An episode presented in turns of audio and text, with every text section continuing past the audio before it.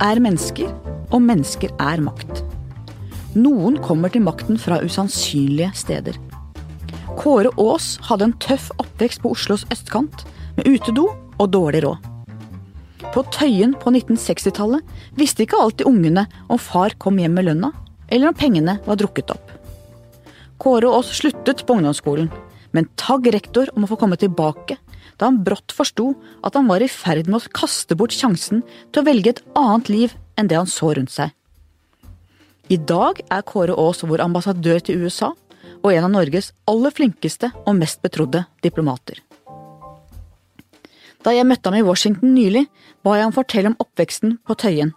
Vi begynner samtalen der. I oppveksten din på Tøyen, altså jeg vil jo si det at det, det er veldig viktig å liksom Det, det var også et, en, en, viktig altså det, det, det, hadde også sine verdier. Det tror jeg er veldig viktig å fastslå. Liksom. Altså det, var, det, var, en kameratgjeng. Eh, vi var sammen, vi spilte fotball. Eh, og eh, vi, vi, vi hadde, hadde, det hyggelig. Men det er ikke noe tvil om at på Tøyen på den, det tidspunktet så var det også personer og venner som skled utenfor. Og som ikke fortsatte å spille fotball, og som ikke drev med idrett, liksom, men som gikk på som, som, som, gjorde andre ting. Eh, noen ble kriminelle, noen ble narkomane, og det var jo venner av meg. Eh, og noen sniffa f.eks. Eh, veldig, veldig, veldig mye. Og jeg var jo også en del av dette miljøet. En som godt kunne havna på havna utafor, men som var heldig å komme på innsida igjen. Og som gjorde det i forhold til et valg. Og som, som, som tok den beslutningen. Og jeg har ofte liksom lurt på hvorfor jeg gjorde det. Uh, og Hva er svaret da? Hva har du funnet ut da? Nei, Jeg vet ikke. Jeg tror at uh, det er veldig det er, ja. Jeg har stusset over det veldig, veldig, i mange år i mange forskjellige situasjoner. liksom. Men jeg tror at det som for meg var viktig, det var at uh, jeg tror jeg hadde en ambisjon liksom om å realisere ikke realisere meg selv, men å få noe ut av livet mitt. Og for å få noe ut av livet mitt, så var ikke det jeg hadde oppnådd de første ni åra på skolen, tilstrekkelig. Men det er et modent valg av en 14-15-åring?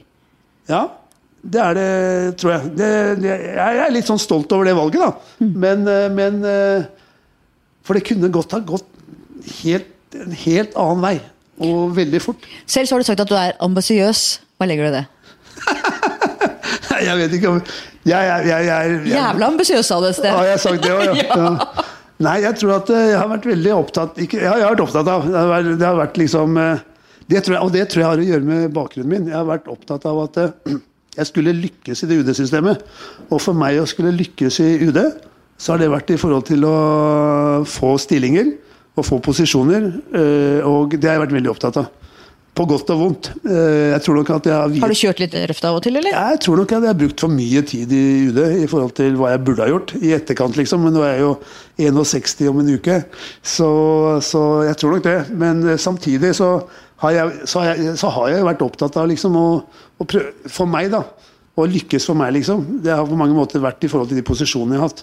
Og, den, eh, og det arbeidet jeg har gjort liksom opp i forhold til uh, ulike politiske ledelser i Utenriksdepartementet, uavhengig av hvem som har vært utenriksministre. Så jeg, så jeg har vært ambisiøs vil jeg si, i forhold til Norge. Jeg har vært ambisiøs i forhold til Norge i den forstand at jeg vil at det, Norge at, er, at, Norge skal bidra internasjonalt på å gjøre ting og få til ting.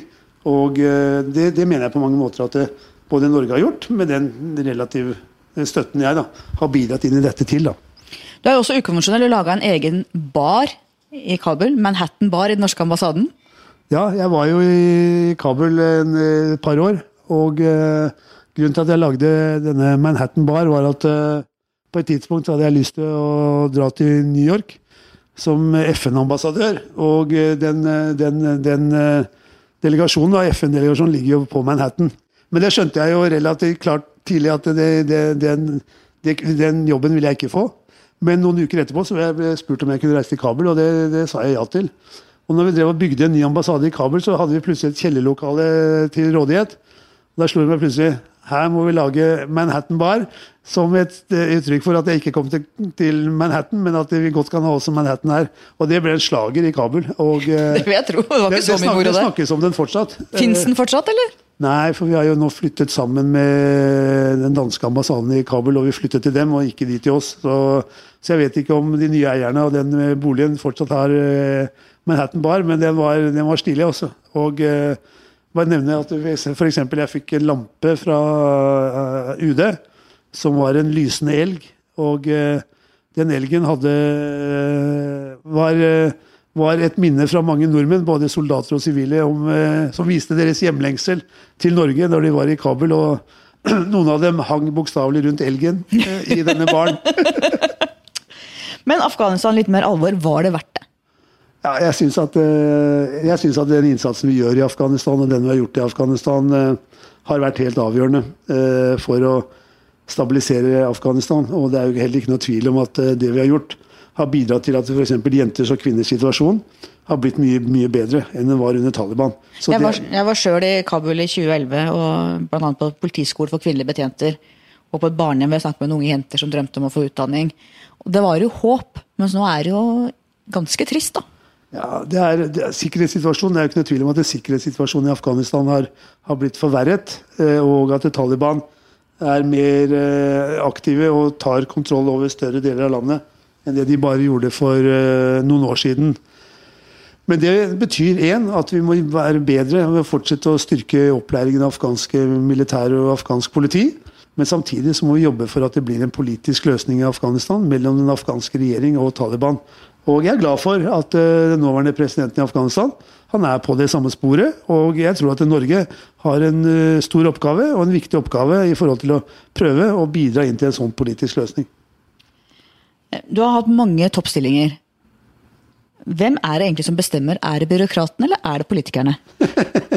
nei, det er selvsagt politikerne som bestemmer. Jo, det må jo du si. Det må nei, du jo nei, si. Men det er, det er, jo reelt, det er jo reelt. Men jeg mener også at embetsverket har en veldig viktig oppgave i å, i å komme opp med forslag, initiativ eh, og ting eh, og på områder som de tror at eh, i dette tilfellet da, er viktige liksom for f.eks. å bidra til stabilitet i Afghanistan, for å bidra til stabilitet og politisk fremgang i, i Midtøsten.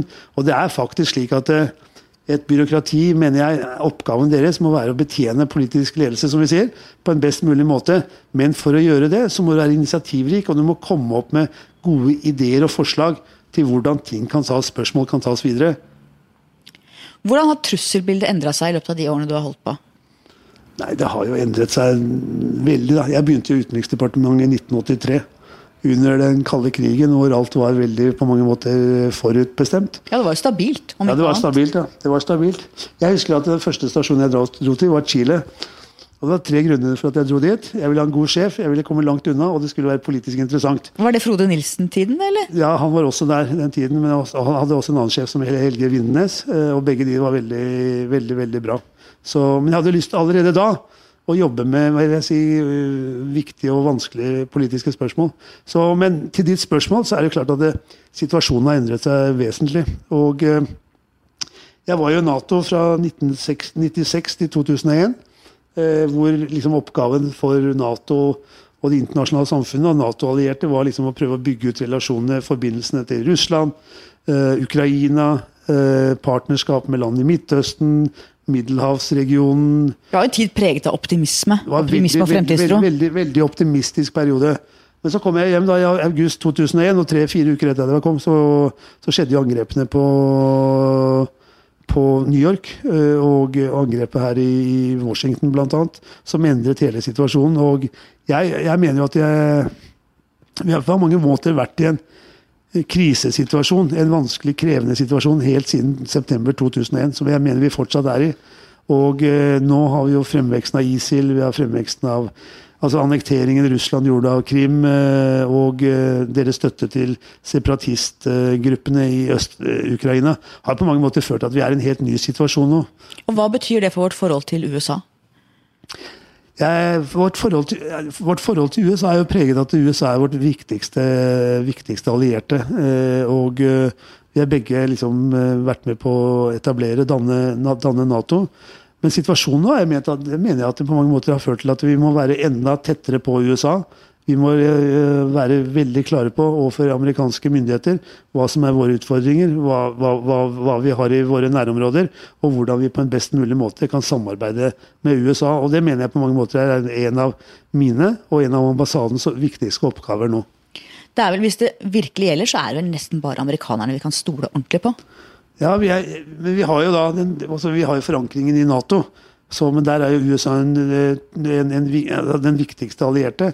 Men det er jo også de, våre øvrige europeiske allierte. Er, vi må stole både på USA og Nato. Er liksom, Nato er jo garantisten for alle medlemslands sikkerhet.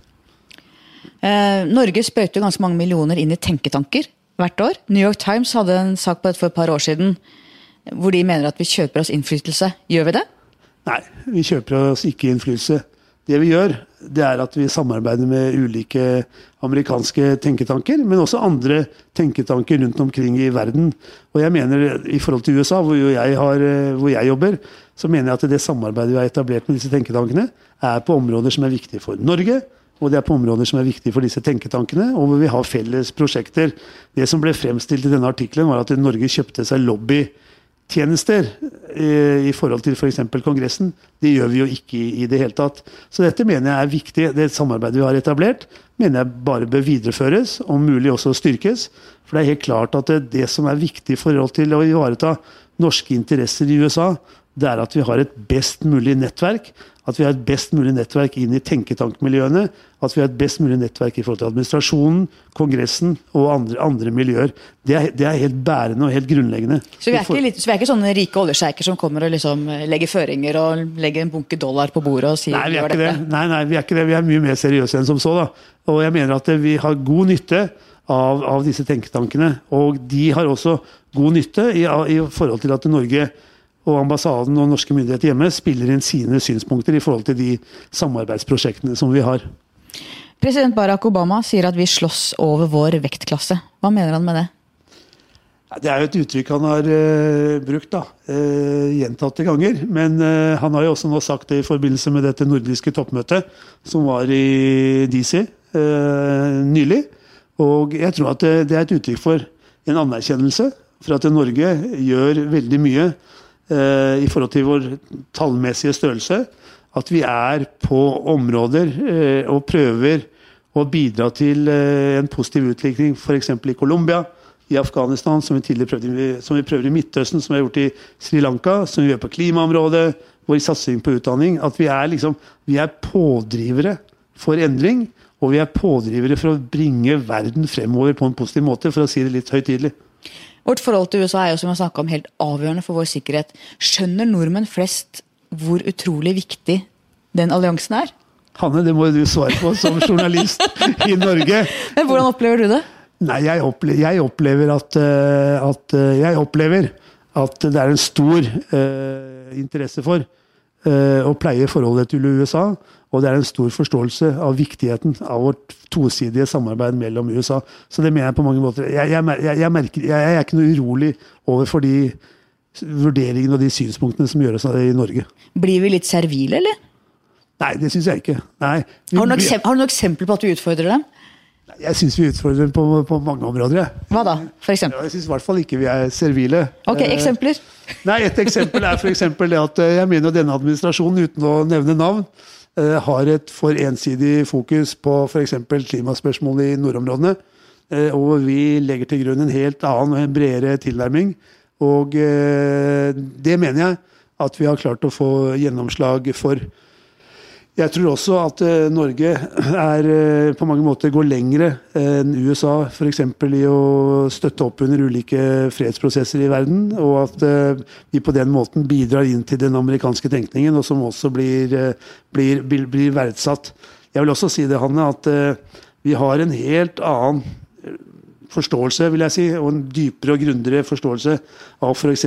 det som nå skjer i som, som, gjelder russisk militær oppbygging i, i, på Kola og deres, uh, deres uh, nærvær i Nord-Atlanteren, som vi bidrar positivt inn med i forhold til amerikansk tenkning. Og vi, vi gjør verdifullt etterretningsarbeid for amerikanerne.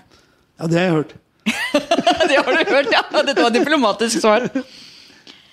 Leonard Cohen sier 'You're not gonna like what comes after America'. Hvis Amerika skulle på en måte bli borte fra kartet som eh, den stormakten eller den viktige aktøren er i dag, hvem skal vi stole på da? Kina? Russland? Hvordan blir verden da? Hvordan, kan, hvordan ser verden ut uten USA som stormakt og verdenspoliti? Jeg vil jo si det at, Hanna, at, eh, at det er viktig at Norge og europeiske allierte og andre land bidrar til å ha USA som en sentral internasjonal aktør. Og få USA mest mulig engasjert i forhold til viktige spørsmål, være seg klima, utdanning, fred og stabilitet. Og eh, jeg har håp om at eh, det fortsatt vil være en sterk amerikansk lederrolle. Men så mener jeg også at det er også opp til europeiske land å bidra inn i, i større grad kanskje, enn det vi har gjort den senere tid, i forhold til å løse felles problemer og utfordringer internasjonalt. Vi må bidra mer. Vi, alle vi må bidra mer, og, og, det mener jeg jo at vi fra norsk side har sagt det også veldig klart. Og vi gjorde det senest på eh, Nato-toppmøtet i Wales som var i 2014. Jeg sa velkommen hit da vi begynte denne samtalen, men vi sitter jo faktisk i huset ditt, i representasjonsboligen i Washington. Jeg var her mye de årene vi bodde her, men nå har man jo pusset opp, og det er fantastisk, et fantastisk hus. Men hvordan er det egentlig å bo i en representasjonsbolig? Nei, det, det, vil jeg si at dette er en stor bolig, en fin bolig. En, en, en representasjonsbolig. Altså det er en, en, av Norges flotteste residenser. Men det jeg er glad for, er at jeg har, jeg har noen rom for meg selv som jeg bruker. Og eh, representasjonsrommene bruker jeg bare når det er eh, gjester her. Ellers så står de helt tomme. Og eh, det å ha et eget krypinn, det er veldig bra. Det passer meg utmerket. Det er det som er hjemme, liksom? Det er det som er hjemme. Ja. Det er det som er hjemme. Og hvordan er dagliglivet som ambassadør? Hvordan er en typisk arbeidsdag? Nei, det er at jeg begynner å øh, har, har, kontakt med, med, Oslo relativt tidlig på dagen, liksom. Sånn seks-syv-tiden om, om, morgenen. Uh, for de ligger jo seks timer foran. Uh, og så er det det er, vil, det er som å lede en, i ditt tilfelle en redaksjon. Uh, jeg lede en ambassade. Men det er liksom å finne ut hva vi skal prioritere, hva vi, hva vi, skal jobbe mot, hvilke resultater vi skal prøve å oppnå. Og det er hele tiden vil jeg si, en sammenhengende et arbeid i forhold til å utrette noe og få til noe. Og det går litt tilbake til det du spurte om innledningsvis. altså jeg mener at vi er ikke her bare for å rapportere om amerikansk innenriks- og utenrikspolitikk. Vi må faktisk prøve å oppnå noe. Og for å oppnå noe, så må vi søke etter muligheter for å oppnå noe. Og det er en viktig oppgave, uansett hvor man jobber, mener jeg, da. Og Amerikanerne er jo på mange måter ganske like oss. De er uformelle. Du har sagt at det funker veldig bra å invitere på lunsj på kjøkkenet og gå i jeans. Eh, er det annerledes her enn i andre storbyer du har vært? Det er jo det, da. Jeg... Er amerikanerne kulere? Ja, de er kule. De er uformelle. Eh, og eh, de er vennlige. Og de er veldig lette å ha med å gjøre. Men, men bare, bare legge på liksom én ting på det, er at vi må hele tiden i samarbeidet med amerikanere, så må vi være relevante. Altså Vi må kunne bidra med noe. For hvis vi ikke er det, så mener jeg på mange måter at det, og de også, at det er ikke verdt eh, verken eh, frokosten på kjøkkenet eller lunsjen i stua, spisestua, liksom. Det må hele tiden være Vi må, opp, vi må prøve fel, i fellesskap å finne fram til resultater som vi begge ønsker å jobbe med. Er det sant at du har med ferdigknytta slips hit? jeg, jeg, ikke, jeg, klarer ennå ikke å knytte slips. Det er helt sant. Jeg, jeg får det ikke til. så hvem knytter slipsen din da? Nei, Jeg prøver innimellom da, å lage en knute. Så, men mitt første slips hadde jeg på meg da jeg, gikk, jeg skulle på sånn uh, uh, muntlig eksamen, eller muntlig, muntlig opptak på aspirantnemnda. Da husker jeg, og det var i, 19, uh, det var i 1983. ja. Da tok jeg på mitt første slips, og eh, fortsatt så jeg, sliter jeg med den slipsknuten. Og det tror jeg aldri jeg kommer til å få til før jeg slutter i UD. Så det er en oppgave på ambassaden er å hjelpe ambassadøren med slipset? Ja, jeg får ikke så mye hjelp til det, men alle kommenterer slipsknuten er ikke helt optimal, da, som den burde være. det sies at du er flink med kontaktbygging. Kjenner du Hillary Clinton personlig? Ja, da kan ikke jeg kommentere hvem jeg kjenner, da, men eh, Men, uh, men liker du henne? Ja, uh, ja, jeg kjenner henne. For å svare på spørsmålet ditt, så kjenner jeg henne. Kan du fortelle litt om henne? Nei, det vil jeg ikke gjøre. Det vil du ikke gjøre. Um, men du har på ganske kort tid fått ganske god tilgang til folk rundt Hvite hus, uh, rundt maktapparatet.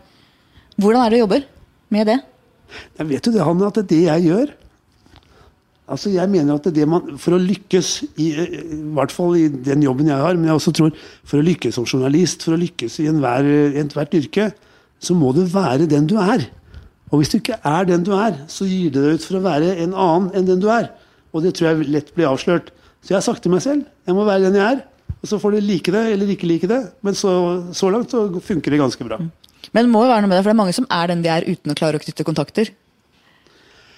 Jo da, men, men ja, jeg, jeg, jeg, kan jo ikke karakterisere meg selv, liksom. Men jeg er nok veldig Jeg tror nok folk liker kanskje å være rundt meg. Og det tror jeg er bra for å være diplomat. Så, men igjen så mener jeg det går på liksom det at det, det må også være noe i forhold til uh, At det må være ting av felles interesse som skaper også den, den kontakten. Tradisjonelt har jo Norge vært gode på demokratene, men ikke så gode på republikanerne. Um, for de står på en måte fjerne fra det norske, vi forstår dem ikke helt. Jens Stoltenberg var jo aldri på besøk i Det hvite hus hos George Bush. Hvorfor ikke det? Jeg har vært på besøk hos George Bush.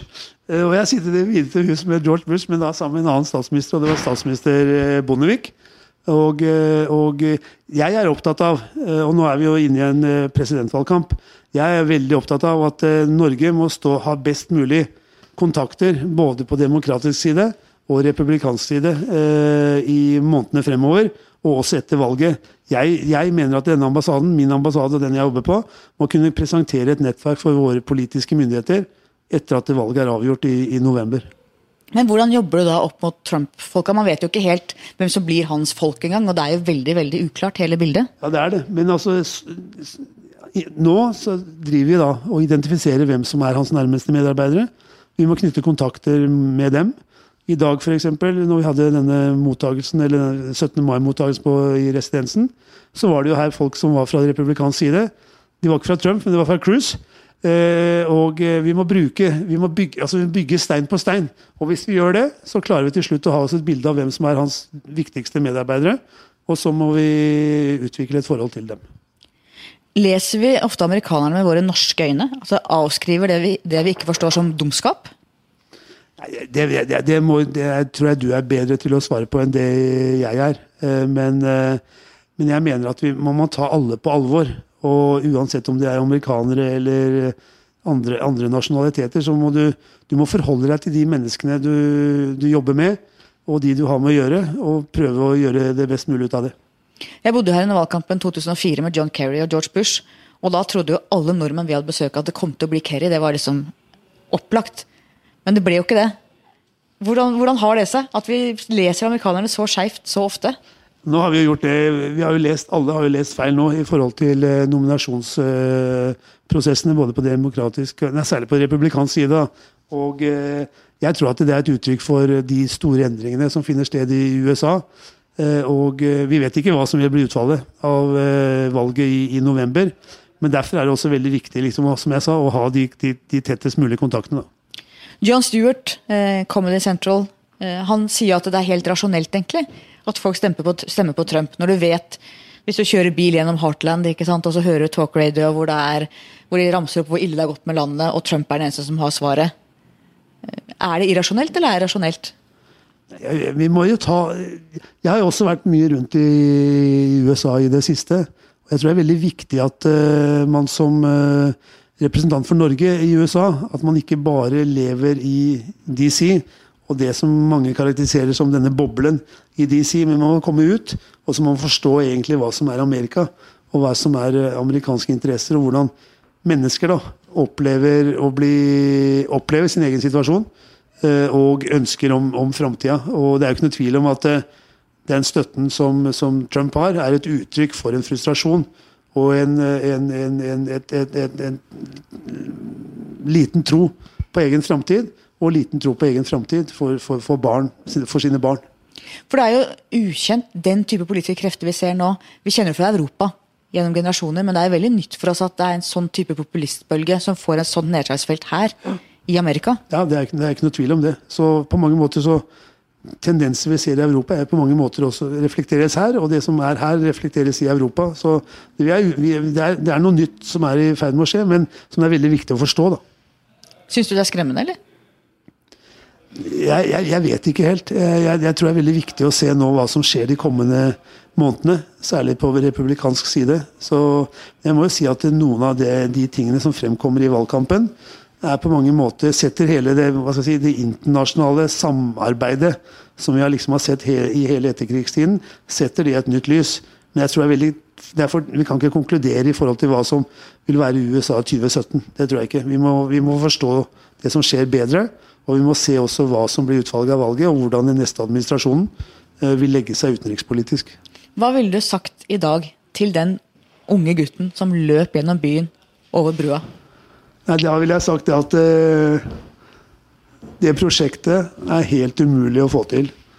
Og uh, det, har vært, det har vært noe helt uh, Ja, det har vært noe helt spesielt som jeg egentlig ikke trodde skulle komme til å skje. Og Hva tror du han ville sagt til deg? Nei, jeg vet ikke hva han ville ha sagt, men han ville sikkert ha sagt at la oss prøve, så ser vi hvor dette ender. Så men det har vært en drive der hele tiden. Og trass òg, eller? Ja, trass også. Å vise at uh, dette går. At dette fikser vi. Og vi får det til. Så, men det har, vært, det har blitt jeg synes I begynnelsen så syns jeg det var veldig vanskelig. Jeg synes det var veldig vanskelig å ha med andre, andre ungdommer å gjøre som kom fra andre miljøer enn meg.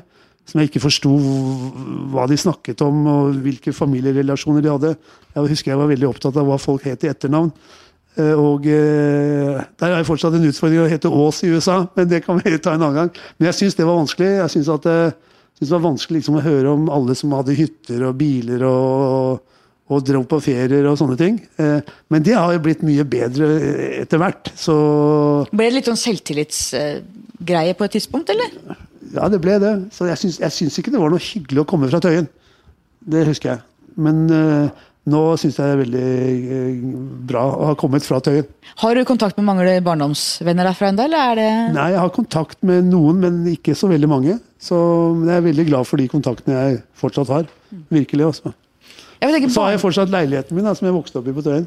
Du har den fortsatt? Ja, jeg har den fortsatt. Så... For det med at Barndommen er jo alltid med oss. Det ja, slår meg etter hvert som jeg blir eldre, at barndommen for meg, for deg, for alle egentlig har merka oss mye mer enn det, ja, det, vi tenker over. Ja, ja. Nei, den har det. Så, men det er viktig også ikke bli for sentimental i forhold til det, men ha liksom en realistisk vurdering i forhold til det. Og ja, det er mange mennesker, da. Det er viktig å si, liksom. Det er mange, mange mennesker som har det, har det mye, mye verre enn det jeg hadde når jeg vokste opp på 50- og 60-tallet. Og uh, det tror jeg liksom den solidariteten med de som ikke har det så bra, som jeg også mener er en del av norsk utenrikspolitikk, liksom, har, uh, syns jeg er veldig ok og uh, viktig å, å, jobbe med. Altså. Jeg tenker det er en livserfaring som, som gjør deg klokere òg. Ja, det, jeg hører hva du sier. Så... Hva er du stoltest av? hva er jeg stoltest av? Nei, jeg er stoltest av mine barn. Ja. det, det, sier jo alle. Men uh, de er det, altså. Det, er, det, er, du, så, det, kommer til et punkt i livet liksom, hvor, hvor karriere er én ting, men hvor, det er andre ting som er mye, mye viktigere. Og det er, det er barn, og det er vennskap. Altså. Det er det. Til slutt, mitt faste spørsmål. Hva blir historien om deg? Kåre Aas, det var han som Jeg vet ikke hva som blir historien om meg, men jeg vil tro at uh, det var kanskje han som aldri ga seg. Men uh, forsøkte hele tiden å få til et eller annet. Tusen takk for at jeg fikk komme til deg. Takk til tekniker Magne Antonsen. Takk til deg som lyttet. Vi høres neste uke.